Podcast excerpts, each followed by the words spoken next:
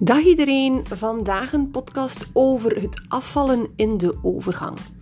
Iedere vrouw moet eraan geloven, de overgang.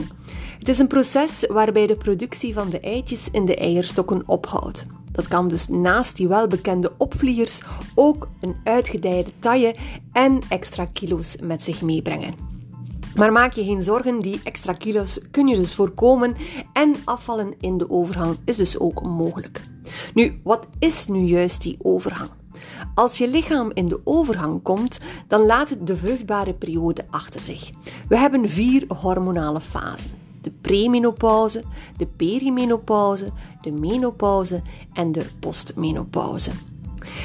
Vanaf de perimenopauze, dus vanaf die tweede fase, maak je steeds minder oestrogeen aan en dat brengt ons op de relatie tussen de overgang en afvallen.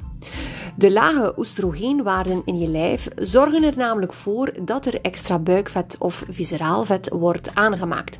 Dat kan zorgen voor een bredere taille en vergroot het risico dus op insulineresistentie, diabetes type 2, de hart- en de vaatziekten. Je hoeft nu niet opeens alles schrik te hebben, maar je moet je wel bewust zijn van wat er verandert in je lijf tijdens de overgang. Zodat je bewuste keuzes kunt maken en zo gewichtstoename tijdens de overgang voorkomt of kunt afvallen in de overgang. Je doorloopt de overgang dus in die vier fasen en gedurende die fases vermindert de hoeveelheid oestrogeen in je lijf. Ik geef je vier tips voor het afvallen in de overgang. Veel mensen denken dat afvallen in de overgang niet mogelijk is, maar dat is dus niet waar. Ook in de overgang is het dus haalbaar om gewicht te verliezen. Naast dat afvallen in de overgang bijdraagt aan een gezond en slank lijf, kan het ook de klachten van de overgang gaan verminderen. Want uit onderzoek blijkt dat vrouwen met overgewicht of obesitas vaker en heftiger last hebben van opvliegers tijdens de overgang dan vrouwen met een normaal gewicht. Ik geef je hierbij dus enkele tips. Tips 1. Ga voor een gezond voedingspatroon. Dus met een gezond voedingspatroon kan je dus afvallen in de overgang. Gezonde voeding is rijk aan gezonde vetten en eiwitten, is koolhydraatarm en is vrij van toegevoegde suikers. Doordat je hormonen veranderen tijdens de overgang, heb je dus na de overgang meer kans op osteoporose, dus de botontkalking, en dit kun je dus met het juiste eet- en leefpatroon voorkomen.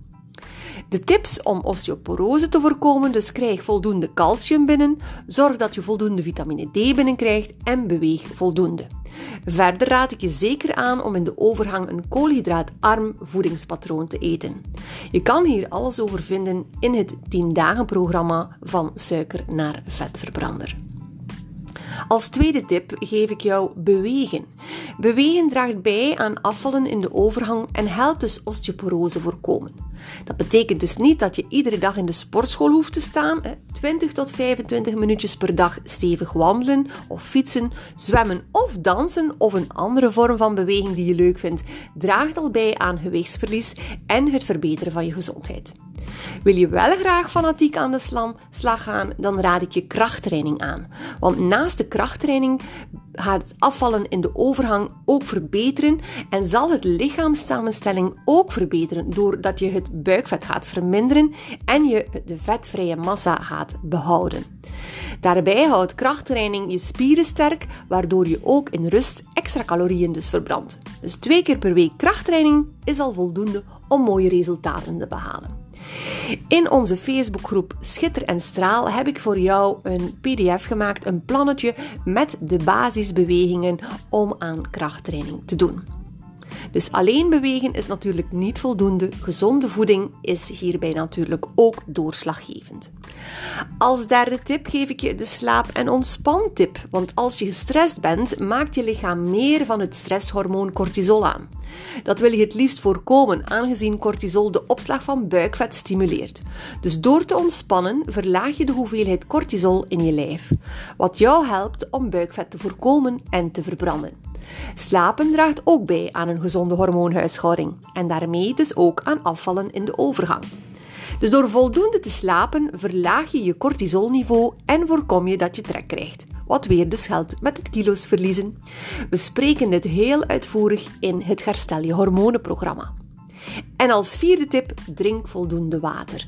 Water drinken voorkomt overeten en draagt bij aan een gewichtsverlies. Daarbij helpt het je lichaam om afvalstoffen af te voeren en kan het helpen tegen opvliegers. Drink dus minimaal 2 liter water per dag. Voeg eventuele schijfjes citroen of limoen aan toe en om het gemakkelijker te maken dus om voldoende vocht binnen te krijgen. Want de vraag is nu: kom je echt aan in die overgang?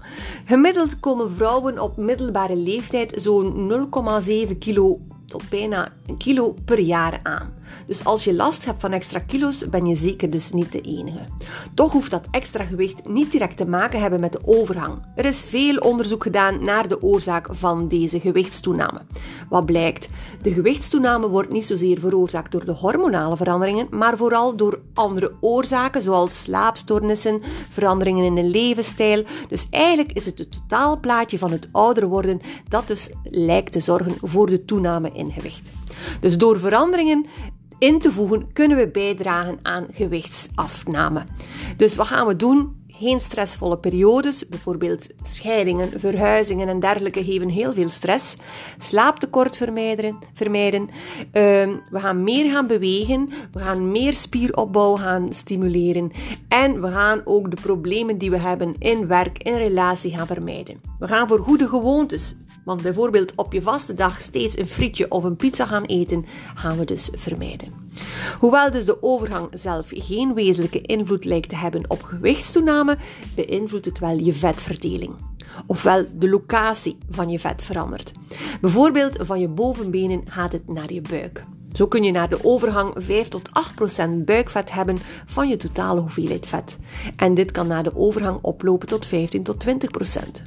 Nu ja, het goede nieuws is dat je zelf iets aan een extra kilootje of de extra kilo's kunt doen en je dus niet weerloos hoeft uh, te kijken naar die hormonen. Doe mee aan het Breng jouw hormonen in 10 weken terug in balans. Dus we herstellen onze hormonen en we komen hormonaal terug in balans. Doe je graag mee? Kijk even op de website hersteljehormonen.be en dan ga je zien hoe we in 10 weken onze hormonen terug in balans houden. Ik wens je alvast heel veel succes.